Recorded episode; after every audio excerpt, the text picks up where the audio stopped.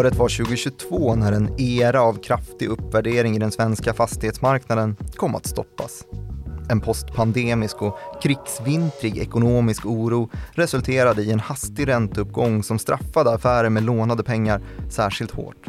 Effekten var skoningslös för den kreditkrävande verksamhet som är att bygga, äga och förvalta fastigheter. Denna för ekonomin nödvändiga marknad som ständigt tenderat att försätta oss i finanskris. För liksom vid tidigare fastighetskriser bar händelseutvecklingen även denna gång med sig kännetecknen vi gjort oss vana vid. Inte minst kändes dagens fastighetsmagnater igen, som gjort sig till färgstarka miljardärskändisar enligt ett bekant mönster från 90-talet. Ilja Batljan, Erik Selin, Rutger Arnhult, Roger Akelius, namn som gjorts till profeter i affärspressen var otaliga och korsägandet herrarna emellan lika så. På 90-talet skulle fastighetsmiljardärernas fall bli starten på en epokgörande kris som förändrade hela det svenska finansiella systemet. Och givet hur historien av onda cirklar med högt risktagande, svällande krediter, kreativ bokföring och korsägande som till slut kom att likna bulvanupplägg berättades var det inte utan viss förskräckelse som finansmarknaden började se tvångsförsäljningar effektueras och anklagelser om storskaliga bokföringsbedrägerier riktas mot branschen under hösten. Frågan började plötsligt ställas. Är 2020-talets fastighetsmagnater på väg att falla likt sina föregångare? Det här, det är Follow the Money, en podcast om makt, storfinans och börsen av och med mig, IGs marknadsanalytiker Martin Nilsson och Nyhetsbyrån Direkts utrikesredaktör Joakim Rönning. Hur mår du idag? Uh, jag är lite nervös. Varför är du nervös? För att det är så himla oroligt överallt. Ja. Oh, det är så mycket finanskris överallt hela tiden nu. Mhm, Ja. vad tänker du på då? Nej men nu är det någon som har skuldsatt sig över skorstenen här igen. Mhm, Och han heter Rutger Arnhult. just det. Det var han som då tvingades sälja till ett annat namn som jag läste upp här, Roger Akelius. Ja precis. Och dessa fastighetsmiljardärer, att de får ett, liksom tvingas göra tvångsförsäljning ur aktieportföljen, det är ju någonting som man inte bara ser förbi i Nej. brådrasket. Han, han hävdade ju då, vet. Rutger, att det inte var någon tvångsförsäljning Jag just den här vet. gången, men, Och han kan väl argumentera för det. men det kanske var det ändå. Men ja, det blir ju väldigt så här lingvistiskt, semiotiskt. Vad betyder ord egentligen? Ja, det Eh. var inte banken som ringde upp, men det var han själv han som var- kände att, Han var tvungen att sälja. ja, Ja. För att finansiera övriga verksamheter. Ja, Ja, då är det kanske tvångsförsäljningen då. ja eller kanske inte liksom i teknisk bemärkelse då. Eftersom att man, då tänker man ju direkt margin call när någon tvångs... Just det, när banken ringer upp och säger du har inte täckning för det du ska låna av oss. Ja, precis. Du måste Och, tillföra lite i kassan. mm, det kanske inte var exakt så det gick till den här gången, vem vet. Men eh, ja, nu har han ju försökt argumentera sig ur det och gjort det med den äran, för att ändå säga.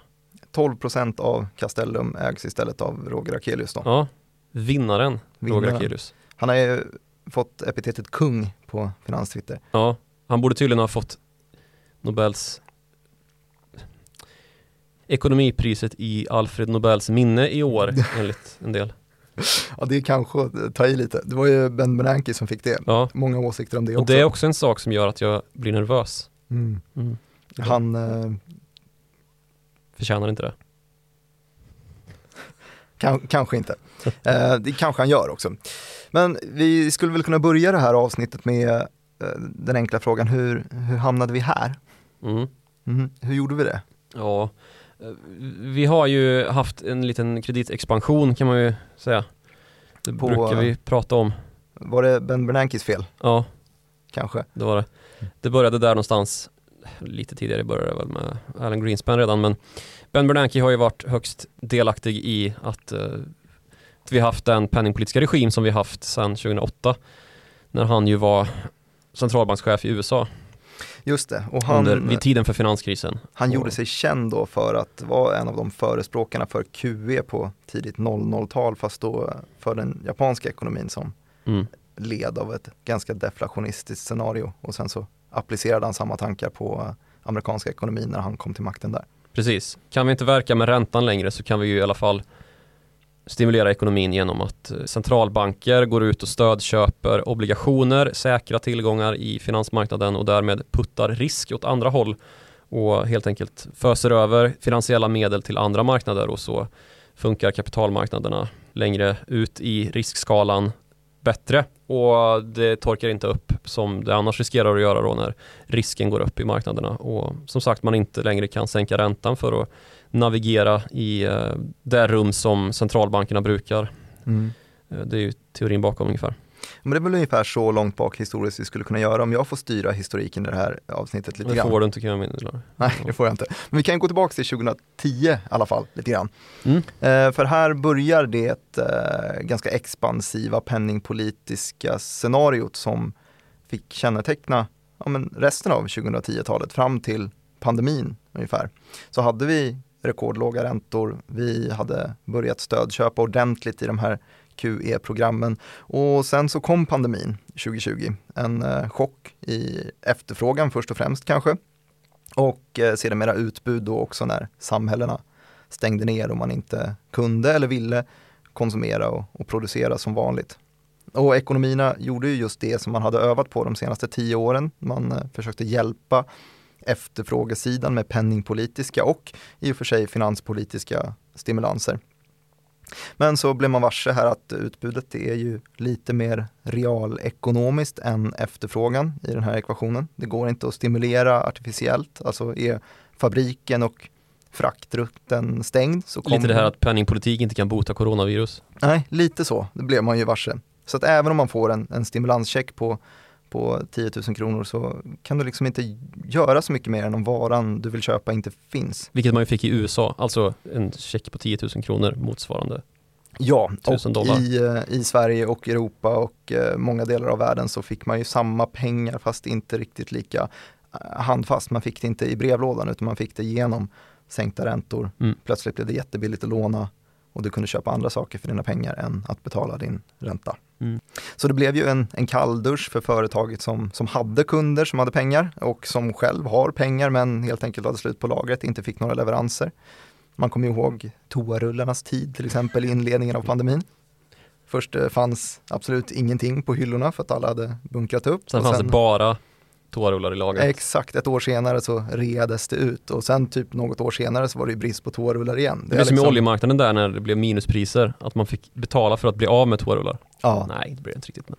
Och här, här skulle jag vilja slå ett slag för eh, några andra som har suttit på en viktig position i ekonomin här. Uh -huh.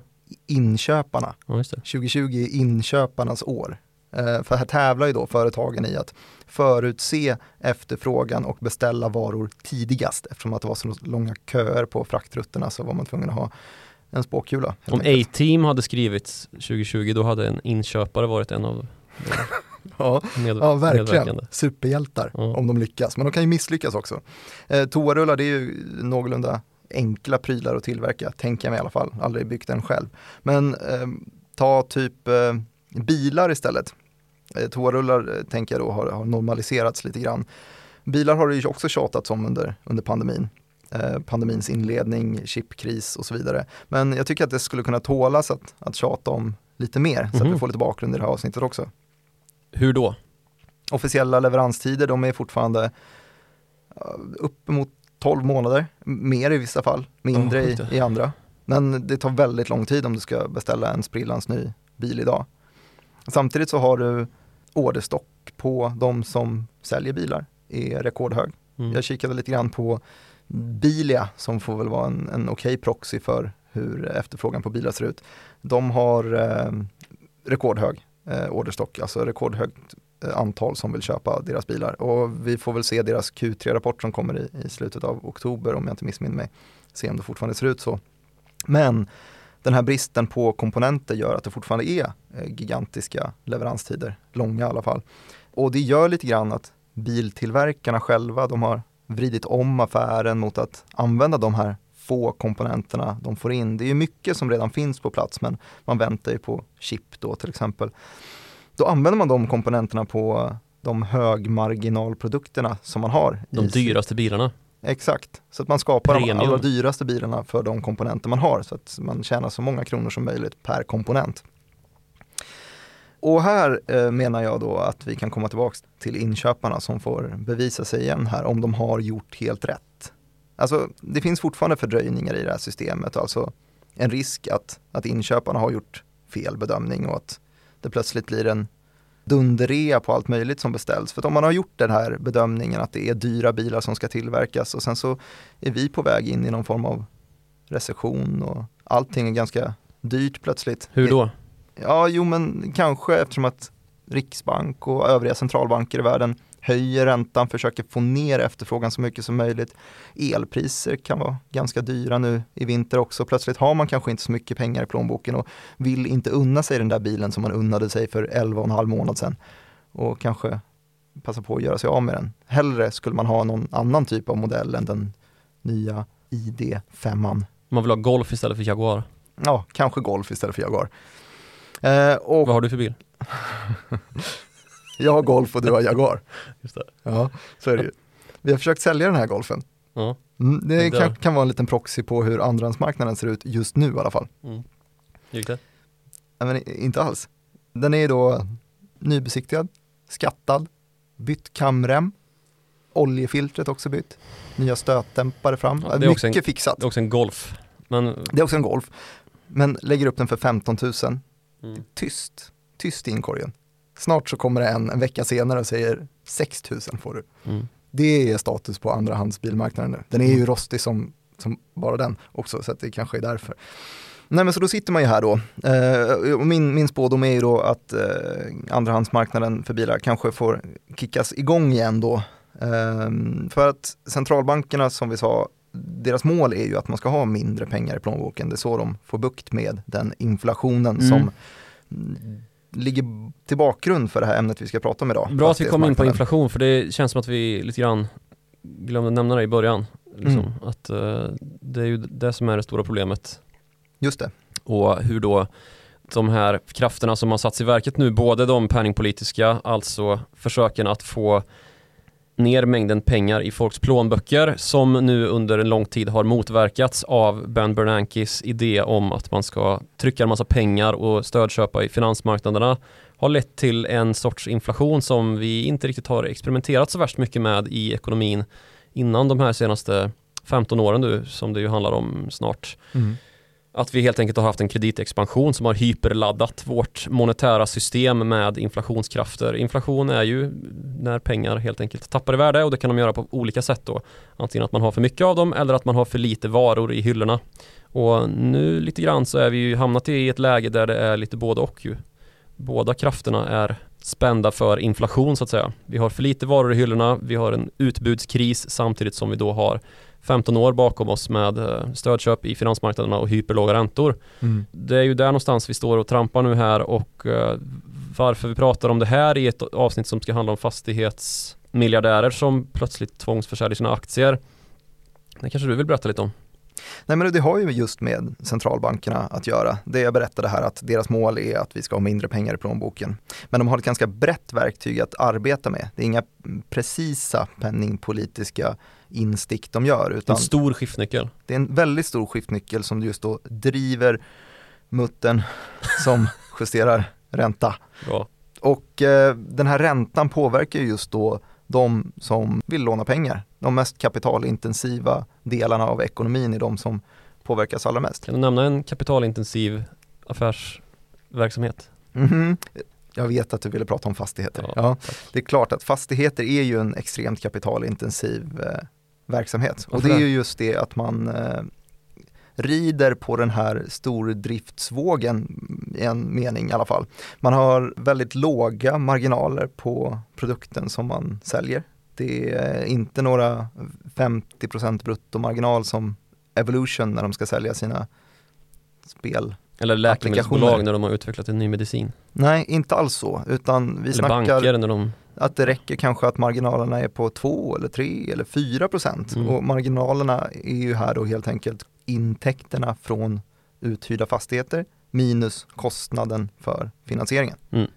Och då betyder det att man inte tjänar särskilt många kronor per uthyrd liten kvadratmeter men man bygger affären genom att ha så många kvadratmeter som möjligt. Mm, stora lån helt enkelt. Riktigt stora lån, i alla Men- fall så när pengar har varit nästan gratis så har man ju Ja. kunnat växa den här affären med lönsamhet genom att bara skaffa fler och fler kvadratmeter att hyra ut. Ja, och det här funkar ju skitbra det när fastighetsvärden går upp hela tiden. Mm. vilket de ju har gjort då under den här tillgångsinflationseran som vi har befunnit oss i då när vi har tryckt upp pengar i det finansiella systemet och inte låtit dem finnas i verkligheten egentligen utan mest vara siffror på papper eller digitala skärmar som har liksom medfört att saker som aktier, fastigheter, kryptovalutor, you name it, har blivit mer värda. Och det här har då lett till att vi har fått en massa pappersmiljardärer också. Och det är ju då folk som har gått in med hög risk, lånat pengar, investerat i fastigheter, tagit sina bolag till börsen och konsoliderat i den här branschen. För konsoliderat har man ju minst sagt gjort då. De här namnen som räknades upp då i introt, vilka var det? Erik Selin, Ilja Batljan, Rutger Arnhult, Roger Akelius, det är bara några av dem som i väldigt stor utsträckning just nu har ett korsägande över den svenska kommersiella fastighetsscenen. Ska vi väl vara tydliga med att vi pratar om, det. vi pratar inte om bostadsfastighetsbolag här utan sådana som hyr ut helt enkelt för att företag ska kunna ha någonstans att eh, verka och göra affärer. Ja, de har inte varit så pass specificerade ändå. Det är många av de där som äger lite bostäder också. Det liksom följer med bara när man förvärvar någonting Jo, stort. såklart. Men om, om man ska titta på liksom krisfaktorn då som har lyfts fram den senaste tiden så är det just de tre förstnämnda fastighetsgubbarna, Rutger, Ilja och Erik då, som blev uppkallade till Max Elger, den socialdemokratiske finansmarknadsministern här eh, i fjol var det väl, när det började ticka upp lite räntor och han blev orolig då för att Finansinspektionen vid upprepade tillfällen har tagit upp liksom att de svenska bankerna fixar de verkligen och täppa igen de hål efter kreditförluster som kan uppstå då ur de här extremt högbelånade verksamheterna som i de tre nämnda fallen då är Balder, SBB, Samhällsbyggnadsbolaget och Castellum om det skulle gå åt pipan. Rutger är ju dessutom storägare i Corum, eh, ett annat, De som köpte Klöven. ja Mm. precis. Och vad sa Max Elger då? Jag vet faktiskt inte, men det är ju ändå ett, en tydlig kommunikation till marknaden liksom om att här är det någonting som är lite för hög risk i just nu och det är den kommersiella fastighetsmarknaden när just de tre herrarna blev uppkallade då till eh, Max Elger. Mm. Det här var ju då när inflationen började sätta fart och ja, det man var rädd för i regeringen var ju att det skulle bli en, en urblåsning ur en liksom, tillgångsinflationsbubbla som då skulle kunna vara fastighetsmarknaden ju. Mm. Sen så har vi sett hur det har gått med inflationen och nu så får vi Ja, icke-tvångsförsäljningar ur Rutger Arnhults eh, portfölj. Mm, just det. Eh, och det man tänkte från början var ju där, jag gissar att deras försvartal var att man lutade sig mot ordet eh, transitory, alltså övergående. För det var ju väldigt mycket så centralbankerna pratade om inflationen. Mm. Det här är en utbudschock just nu så är fabrikerna stängda. Självklart kommer det inflation just nu, det är få varor, men så fort det öppnar igen så är det lugnt. Jag tror inte att det nödvändigtvis måste bli så. Och du menar att, att de kommersiella fastighetspamparna helt enkelt såg framför sig att det här kommer rätta till sig? Vi, kommer har bundit våra räntor på Ja. tre eller fem år och eh, om tre eller fem år så är det här löst. Mm. Kan jag tänka mig.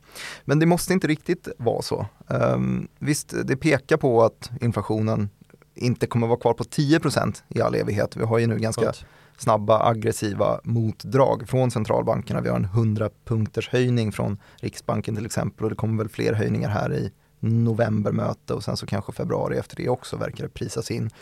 Men eh, någonting vi i alla fall kan lära oss från hur det såg ut mellan 2010 och 2020, eller ja, fram till idag egentligen, var ju det att eh, vi hade ganska mycket olika deflationistiska krafter i ekonomin. Mm. Man hade extremt effektiva handelsrutter. Man var proffs på just in time leveranser istället för just in case, det har vi pratat om i några tidigare avsnitt också. Just det här att man har så få varor som möjligt på lagerhyllorna utan det levereras samma dag som det ska konsumeras och på så sätt så får man hela den här rutten väldigt effektiv. Det är dyrt att ha saker i lager. Exakt, Så mycket bättre att ha det på lagret. väg. på vägen. Ja. Nu ser vi ju ett litet regimskifte på den punkten också. Mm. Just- Frågan är hur stort det här regimskiftet är. Kanske inte astort, men det finns ju ändå mm, politiska beslut som driver det åt det hållet. Och Mm. det jag menar här då är att tidigare har man då haft sin produktion i det allra billigaste landet. Man har koncentrerat en stor del av produktionen till just det landet. Kina har varit ett land för många. Eh, men idag så lutar man sig då istället mot, man har sett de här riskerna och vill istället sprida ut. Man väljer lite fler olika länder. Man kanske... Friendshoring som Janet Yellen brukar kalla det. Vad är det för någonting? USAs finansminister. Att man helt enkelt låter allierade länder producera saker som man behöver istället för fiendeländer då. Och i USAs fall så handlar det ju om att man ska flytta delar av leverantörskedjan ifrån Kina då som ju anses vara ett fiendeland i handelspolitisk mening. Eh, och att man istället då ska producera i fabriker i USA som ju har blivit flyttade till Kina. Så det här är ju ett dyrt företag och inte särskilt deflationistiskt. Jag gillar att prata om sånt här deflationism och att det då har väldigt mycket att göra med teknisk utveckling. Och det är ju någonting som går i stå då, när man inte kan lägga vinster i återinvestering och använda det för forskning och utveckling. Är mm. problematiskt. Det gör att det ekonomiska systemet saktas in liksom. Det blir trögare. Ja men det gör mm, Speciellt under det här då medans skiftet sker när man stänger ner fabriken i Kina, flyttar den istället till Belgien eller vad vi nu kan tänkas lägga en fabrik. Oklahoma. Oklahoma kanske. Så visst, under flytten så kommer det ju eh, saktas ner. Men det kommer också när det väl är etablerat vara något dyrare. Ja, mindre vinstdrivande. Annars hade man ju lagt det där precis Lägre marginaler. Ja, precis. Lägre marginaler. Det är ju också en någorlunda inflationistisk tendens. Just att priserna kommer gå upp. Ja. Det kommer vara dyrare att, att producera lite allt möjligt.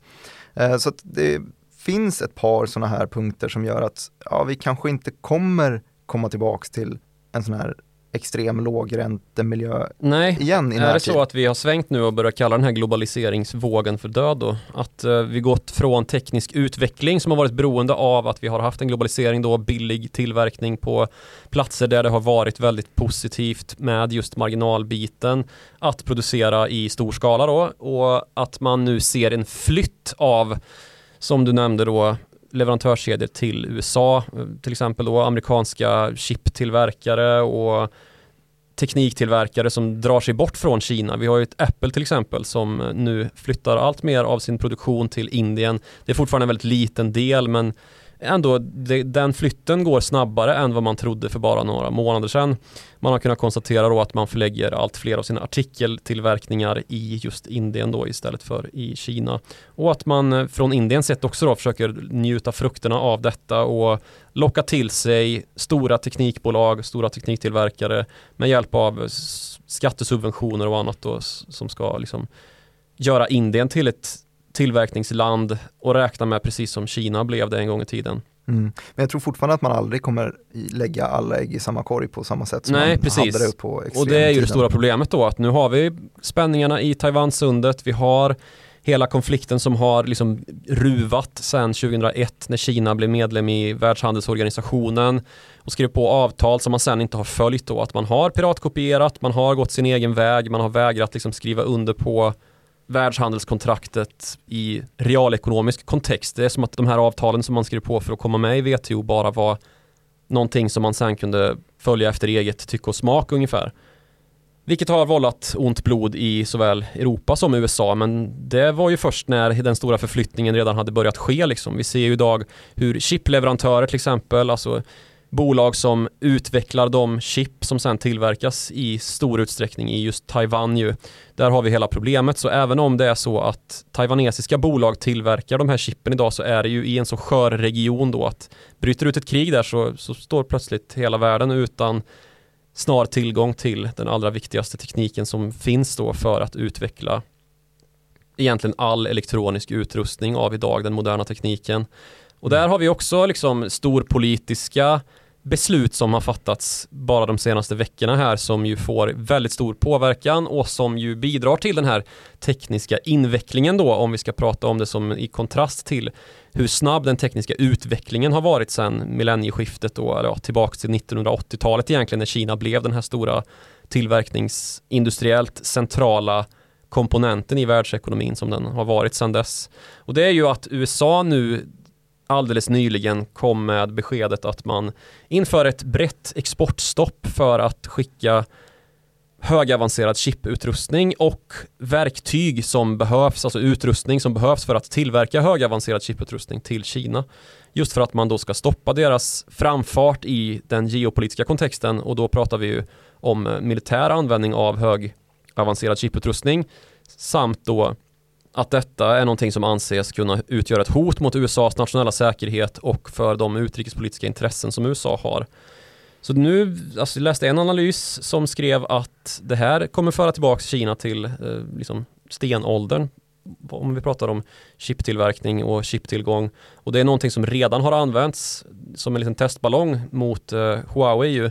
Det stora telekombolaget som på nätverkssidan konkurrerar med en Ericsson och Nokia och som på smartphonesidan ju var eh, ett av världens allra största telefontillverkande bolag som ju inte längre är det utan som eh, grundare och vd Ren Chengfei har sagt att deras liksom, fortlevnad hänger på en skör tråd efter att USA har skurit av chipresursen och USA är ju helt väsentligt för att man överhuvudtaget ska kunna tillverka några chip i världen idag. För att det är så mycket forskning som ligger bakom, som är amerikansk, så många patent som är amerikanska, att USA på ett mycket effektivt sätt då kan helt enkelt kapa hela möjligheten för ett land att få tillgång till den här helt avgörande utrustningen då, alltså mm. mikrochip. Så ytterligare anti-globalisering helt enkelt? Ja, verkligen alltså. Jag tror också att eh, centralbanker på något sätt har den här eh, eran i, i bakhuvudet när det var extremt svårt att få igång inflation. Jag tror inte man har glömt det riktigt. Att där vill man inte hamna igen. Nej. De här åren som vi har pratat om, de här senaste 10-15 åren, så fightades vi ju mot inflation som ibland var nere och studsade på minussidan, alltså deflation, mm. men kring nollan under en ganska lång period. Det var ju applåder när vi äntligen nådde upp till typ 1,5% eller touchade 2% under en period och sen så kom det ner igen. Det gör att man kommer vara lite extra försiktig i den här fighten också. Att eh, man kanske försöker trycka ner inflationen och sikta på sina 4-3 procent inflation igen och sen så vara ganska nöjd där, se lite vart det hamnar innan man trycker ner den ytterligare. Så det är nog inte osannolikt att vi, vi ligger där under en överskådlig tid också. Mm. 3-4 procent inflation och en reporänta strax under det. Sjukt. Ja. Om man tänker att alltså, så länge vi har jobbat med finans så har det ju varit ner mot nollstrecket liksom. Ja, men, det känns helt främmande att det ska vara en inflation som är det här inflationsmålet eller ovanför den till och med, inflationsmålet 2 då, som ju centralbankerna i gemen anser är liksom ett, en, en sund inflationsnivå för att nå tillväxt och utveckling i ekonomin. Mm. Nu känns det ju som att vi kan vara på väg mot sådana här både utbuds och efterfrågechocker som, som kanske blir rätt tuffa att hantera här ett tag framöver. Vi hade ett avsnitt för ett tag sedan, vi pratade om den berömda tjurpiskan, alltså bullwhip-effekten. Mm. Jag vet inte om vi ska behöva gå in på den igen. Nej men det är ju, det är ju inköparnas eh, antagonist ja. eh, på något sätt. Det är ju det här då med, hur man ska kunna tajma eh, tajmingen på inköpen med att eh, utbud och efterfrågan går inte i tandem längre utan ja, Det blir helt enkelt svårt att per prognos liksom utröna hur kommer vårt varulager att påverkas av konsumenternas efterfrågan. Efterfrågan är plötsligt inte logisk på det sättet som den har varit i en normal ekonomi. Och en normal ekonomi har vi inte haft på ett tag eftersom att vi hade en pandemi som störde ut och det skapar stora obalanser i företagens lager. Jag tror till exempel att årets Black Friday, alltså handelns jippo-säsong som ju inträder här under hösten. Jag tror Black Friday kommer bli rekordartad i år sett till, kanske inte omsättning, men däremot till hur stora rabatterna kommer vara. Mm. De kommer nog vara faktiska i år. De brukar ju fifflas en hel del med sånt, men nu finns det nog hög sannolikhet för att det är väldigt många som gärna vill tömma sina lager och fylla på med liksom senaste modellerna för att det dignar av gammal skit som eh, mm. förra säsongens liksom. Ja men eh, H&M's lagerhållning ökade med, med 28% jämfört med ett år sedan om man kollar de senaste, senaste siffrorna. Det, det, är ju extremt svårt att prognostisera utbudet. Lite det där bilexemplet är ju en, ett nischexempel kanske men det finns ju säkert liknande varor också. Att man har köpt in för länge sedan och sen så är det inte det som är efterfrågas av marknaden. Men det vi kan räkna med då är att fortsatt volatilt på utbudssidan, att det kommer ge små inflationsspikar då och då. Men efterfrågesidan är ju lite mer beräkningsbar, för det är ju den som centralbankerna kontrollerar och där vet vi att målet är mindre pengar i plånboken, så det kommer ju stramas åt i alla fall. Mm. Det här med teknisk utveckling då, vad, har vi sett något liknande förut? Vad tänker du på då? Jag tänker på den våg som sköljde över världen under 70 80-talet när teknisk utveckling möjliggjorde att vi fick ett transaktionssystem som i helhet blev snabbare internationellt sett och att vi både kunde hantera transaktioner snabbare och i större frekvens än vad vi hade gjort tidigare när banker hade varit helt elementära för att överhuvudtaget handel skulle kunna pågå. Plötsligt så kunde detta skötas eh, automatiskt ju. Mhm. Och med detta då så kom eh, trenden med övergång till en rörlig växelkurs och möjliggöra att vi fick de här fria kapitalrörelserna över gränser samtidigt som eh, penningpolitiken kunde verka autonomt, alltså inte styras politiskt längre. Mm. För det är ju någonting som man kan anse vara lite mer i linje med demokrati, att inte politiker ska ha makt över kapitalmarknader och nyttja penningpolitik då i eh, egna politiska, realpolitiska syften då och blidka eller straffa vissa väljargrupper till exempel. Och marknaderna skulle helt enkelt fungera bättre om de sköttes av en neutral teknokrat då. Stefan Ingves till exempel Just det. enligt det här synsättet som bland annat då på den här tiden 1970-80-tal företräddes av Margaret Thatcher och Ronald Reagan Mm. brittisk eh, premiärminister och amerikansk president. De här har vi ju gått ett par varv kring. Ja, hur kommer det sig att du, du plötsligt drog tillbaks klockan till 1970? För att jag vill absolut inte låta dig styra och ställa över hur långt tillbaka i historien vi går i våra Pod Money-avsnitt. Nej. I den här perioden av teknisk utveckling då som fick stora ringar på vattnet för vart världsekonomin skulle hamna senare i historien så blev förändringarna så stora och så snabba att man fick införa politiska åtgärder ändå då för att inte tappa kontrollen över kapitalmarknaderna. Och det gjorde Reagan och Thatcher då genom att man började avreglera systemen i USA och Storbritannien för att ge kapitalet fri lejd över gränserna då så att det blev lagligt också. Och då kom en avregleringsvåg och lösgöras egentligen i hela världen. I Sverige så höll, höll regeringen emot mycket längre än vad många andra gjorde till 1985 när då teknokraterna hade drivit på tillräckligt länge för det fanns ju en riksbank såklart. Och då avskaffade man då den här ränteregleringen och på hösten så avskaffades också det så kallade utlåningstaket. Och om du undrar nu varför pratar vi om det här så är det ju naturligtvis för att det här blev starten på en annan period av kraftig kreditexpansion och kraftig tillgångsinflation, alltså uppvärderingar i fastighetsmarknader, börs och på den tiden var det ju inte krypto och NFT, alltså konst i JPEG-format utan verklig konst, typ Carl Larsson och gänget. Mm.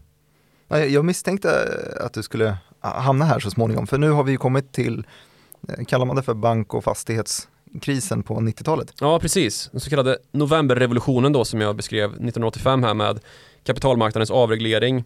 Där Kjell-Olof Fält, den gamle finansministern i Olof Palme-regeringar, var med om att driva igenom den satte ju fart på ett händelseförlopp som, som slutade med den stora fastighets och bankkrisen på 90-talet. Och vi pratade ju lite förut om inflationistiska krafter som hyperladdas i en ekonomi och det var ju precis samma sak som hände då. Att den här kreditexpansionen efter avregleringen blev mycket kraftigare än vad de flesta hade trott och för hushållen så blev det plötsligt möjligt då att finansiera bostadsköp på ett helt annat sätt än tidigare när liksom krediter hade blivit högst på modet. Det sprang omkring folk i stan och delade ut flygblad med liksom senaste låneerbjudandena i julhandeln och det gjordes radioreklamer från Gota-banken om att man skulle svänga förbi deras bank och titta in för att där fick alla lån. Det finns en rätt catchig låt som uh, gjordes då. Låt höra. Den går så här. Låna av oss, låna av oss. Den är nog med i någon av de här, uh, kan det vara typ Lasse Åberg-film tror jag. Mm. Ja men så rent praktiskt då när lånetaget hade slopats så fanns det liksom ingen begränsning för hur mycket bankerna kunde låna ut. Och folk gick ju bananas såklart. Banker är ju konstiga företag alltså. Mm. Och så visade det sig då eh, efter ett tag att den här kreditregleringen hade blivit mycket, mycket lönsammare för bankerna än avsett. Alltså vad ledningsgrupperna hade kunnat anta. Prognoserna helt enkelt inte hade slagit in. Och att kontorscheferna som satt ute på bankerna hade liksom sett hur attraktivt det var att dela ut de här stora lånen då. Och ju större lån desto bättre dessutom för då blev ju den absoluta intäkten hög även om marginalen var lite lägre liksom. Lite likt de marginalerna jag pratade om vad gäller fastigheter i början av avsnittet. Exakt, och stora lån behövs ju för just fastighetsbyggen och där började ju bubblan svälla då precis som den har gjort de senaste 15 åren i den svenska fastighetsmarknaden. Och problemet med att använda fastigheter då, ibland fastigheter som inte ens har byggts klart än, som pant, är ju att de riskerar att minska i värde jämfört med vad man skriver i sin kalkyl, alltså vad man prognostiserar. Och risken är då att kalkylen helt faller samman under den här liksom husbyggnationen. Att huset har kostat mer att bygga än vad det kan säljas för till slut och kanske till och med mycket mer om marknaden har fallit markant då. Och då går ju fastighetsbyggaren i konkurs och panten, alltså huset, tas av banken som därefter får sälja det med förlust för att få tillbaks ja, värdet på panten då. Och det är ju en realtidsförlust man gör där då och det är vad vi kallar en kreditförlust.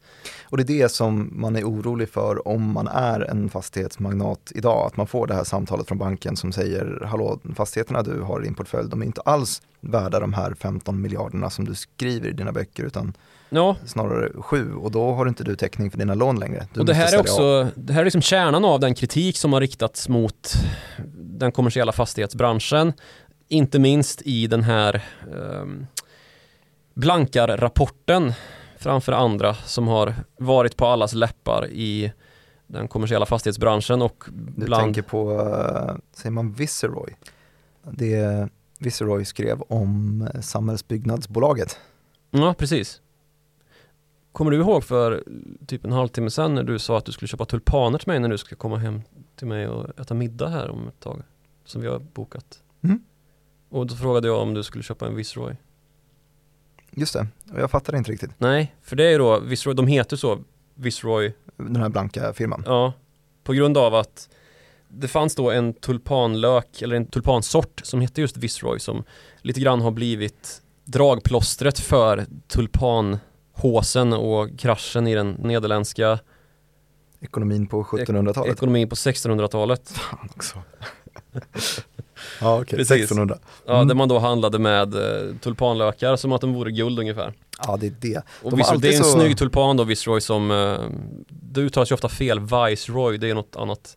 Ja, det, det, låter, det ser ut som att det ska uttalas så. Ja. Men Viceroy alltså. Det utstavas ju på samma sätt. Ja.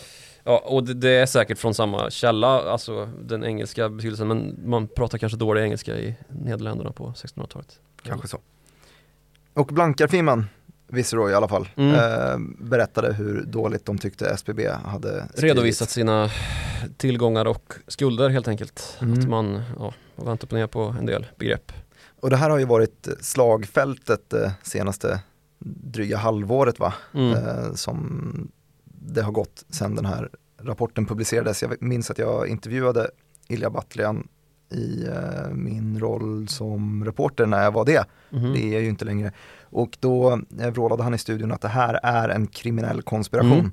Mm. Eh, och det är väl inte riktigt utrett vem som har rätt. Nej, om det är SPV vi tycker ingenting om det här, ska vi vara väldigt tydliga med att säga. Nej, men eh, om Och vi ska... kan också disclaima med att vi båda har intervjuat Ilja Batljan, Rutger Arnhult, Erik Selin med flera av de här och önskar dem inget ont. Ver verkligen inget ont. Men just nu i alla fall så ser det ut som att blankarna har kunnat göra en del pengar på den här rapporten för aktiekursen i SBB har ju dykt. Ja, 80-90% typ. Får vi se om eh, de får till en, en short squeeze och kan klämma ut dem. Men det verkar ju lite stressat från SBB just nu som eh, verkar vilja sälja av en del fastigheter för att ordna finansieringen. Ja, det kriminella som man la fingret på där i alla fall var ju just det hur man rapporterade att man hade tagit en blankningsposition. För att det finns ju regelverk som bestämmer att om du har tagit x procent så ska du flagga upp och alltså göra den här positionen publik. Men då hade Viceroy och kumpaner, menade Ilja, delat ut den här positionen på en mängd olika aktörer så att man kunde gå under radarn och smygblanka det. Utan att flagga ja. Utan att flagga för det. Eh, och det var då det kriminella bakom mm. det.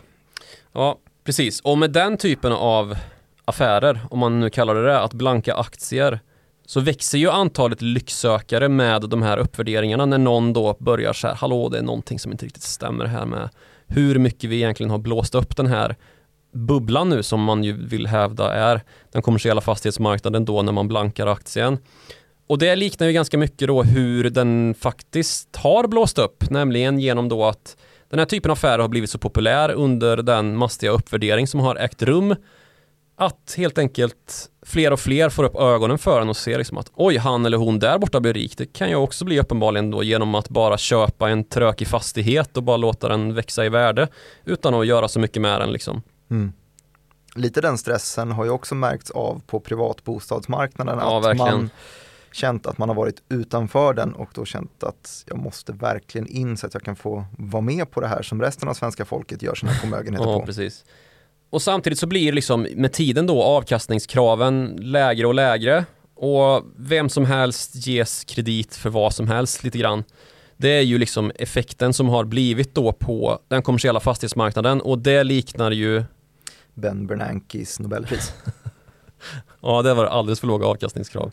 Men framförallt då så liknar det ju 90-talskrisen. Mm. Liknar, det kanske är mycket att säga, men det är ju i alla fall en kris som verkligen kännetecknades av att avkastningskraven undan för undan blev alldeles för låga när kontorscheferna ute på landets banker då började se att shit, vi kan ju verkligen göra i absoluta tal väldigt stora vinster på att ställa ut stora, stora lån med en ganska liten, litet marginalkrav då. Och därmed så växer ju också risken då med att de här kreditförlusterna som man sen måste ta hand om när det väl spricker blir så stora att hela marknaden börjar skaka. Och när dominobrickorna börjar falla så faller de först från då de fastighetsbolag som går i konkurs, alltså de fastighetsutvecklare som går i konkurs, de som ska bygga husen och som måste överlämna en pant som är värd mindre än vad själva husbygget har kostat till fordringsägaren, banken. Och när banken har samlat på sig så många av de här återlämnade pantsatta husen så är det nästa dominobricka att falla. Och det här har vi ju sett vid upprepade tillfällen. Vi såg det då 90-talet i Sverige och vi såg det också perioden 2008-2009 när eh, den stora globala finanskrisen bröt ut på just det här sättet ju. Inte riktigt lika mycket i Sverige då utan de största ekorna gjordes väl just på amerikansk mark. Mm, absolut.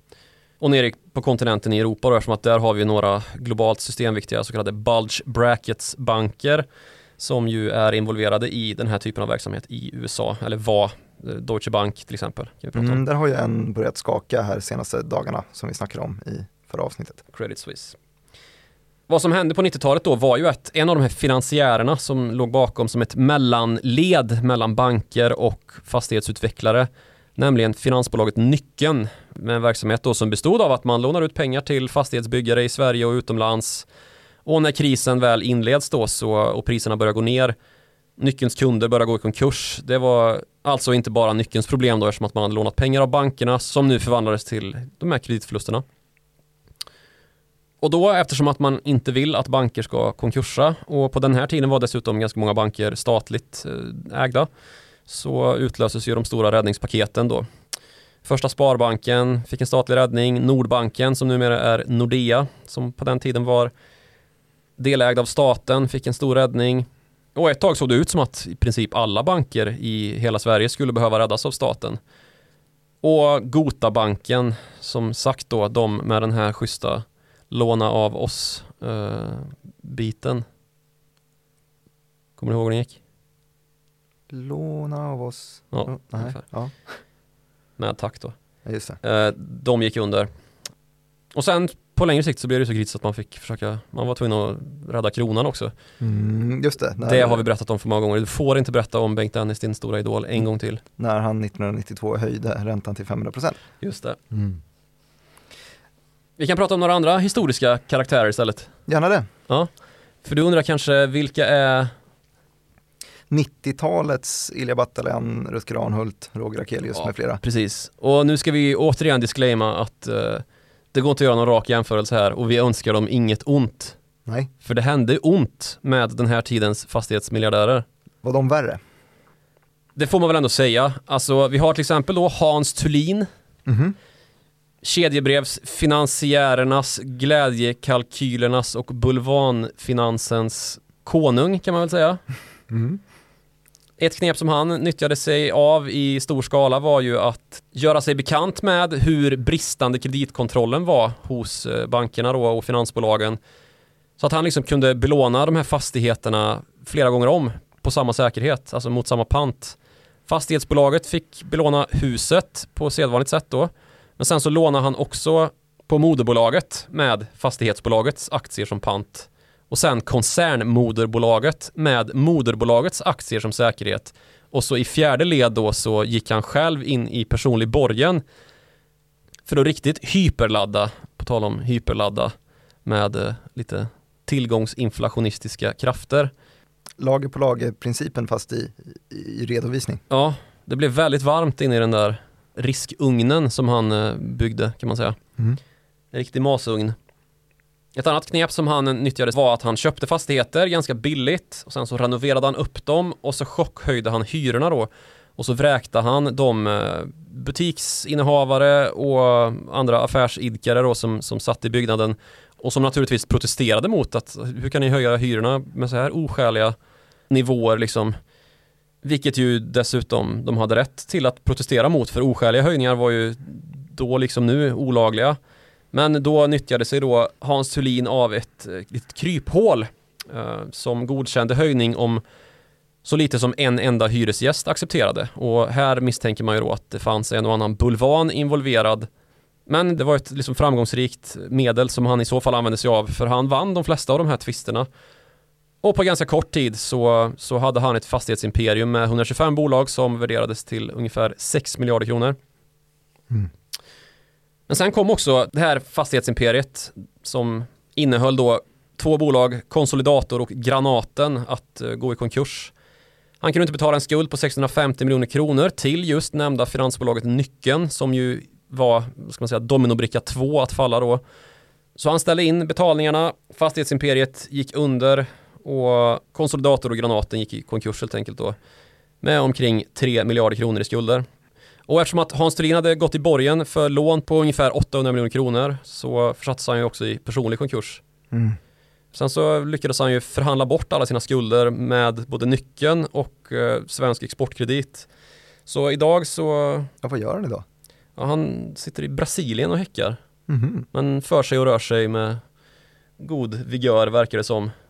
Det är en pigg herre det här kan jag tala om. Mhm. Han har ju fortfarande stora skulder som man, skatteskulder som man jagas av Kronofogden för naturligtvis. Men eh, Man sitter ganska säkert i Brasilien. ja, men man kan ju se honom florera på gator och torg runt de kvarter där vi sitter också här på Kungsgatan och eh, ner mot Stureplan även i dessa tider. Så han är inte ur loopen på något sätt.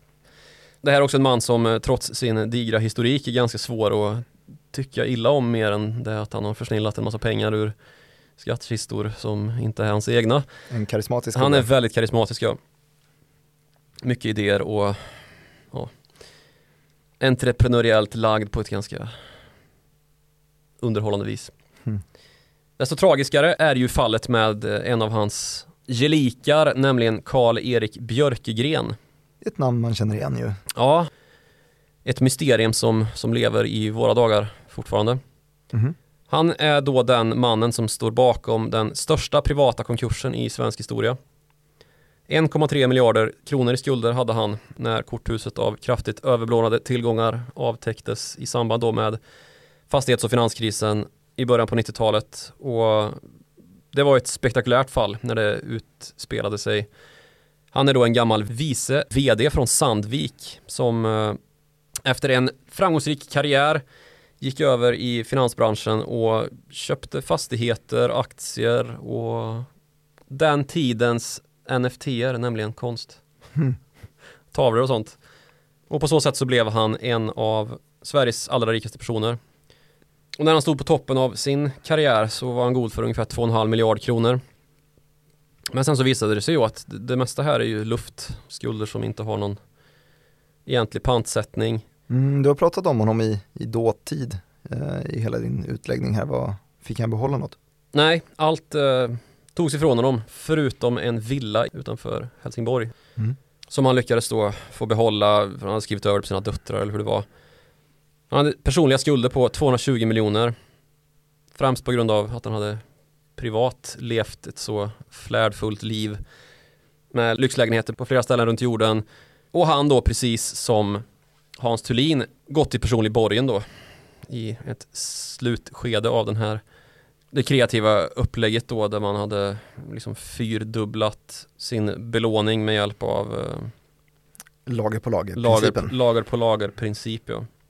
Eh, Lite talande för hur eh, flärdfullt han levde var väl att det var väl Karl-Erik Björkegren som senast sågs av sin butler innan han försvann.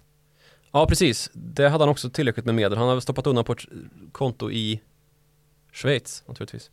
Ehm, och det var medel som man kunde uppenbarligen använda för att betala en butler som då fanns och servade honom i den här villan då i Viken i eh, Skåne. Och han anmäls då försvunnen i, eh, i juni 1994 och sedan dess är det ingen som har sett honom eh, i livet. I alla fall inte och gjort väsen av sig om att man har sett honom i livet. Eller ja, det är många som tror sig ha sett honom i livet. Både på NK-caféet och i Schweiz och i paradvåningar här och där och Mm. Git Gays brors hus i Paraguay. Är det någon som har sett honom också? Men det är ju inte han, han är ju dödförklarad sedan 2005 eller vad det är. Tragiskt missöde för, eh, för bägge de här Hans Ja och, precis, eh, och det, det verkar väl som att det kan ha funnits en del skulder här som han hade tagit upp och av folk då som hade ett våldskapital.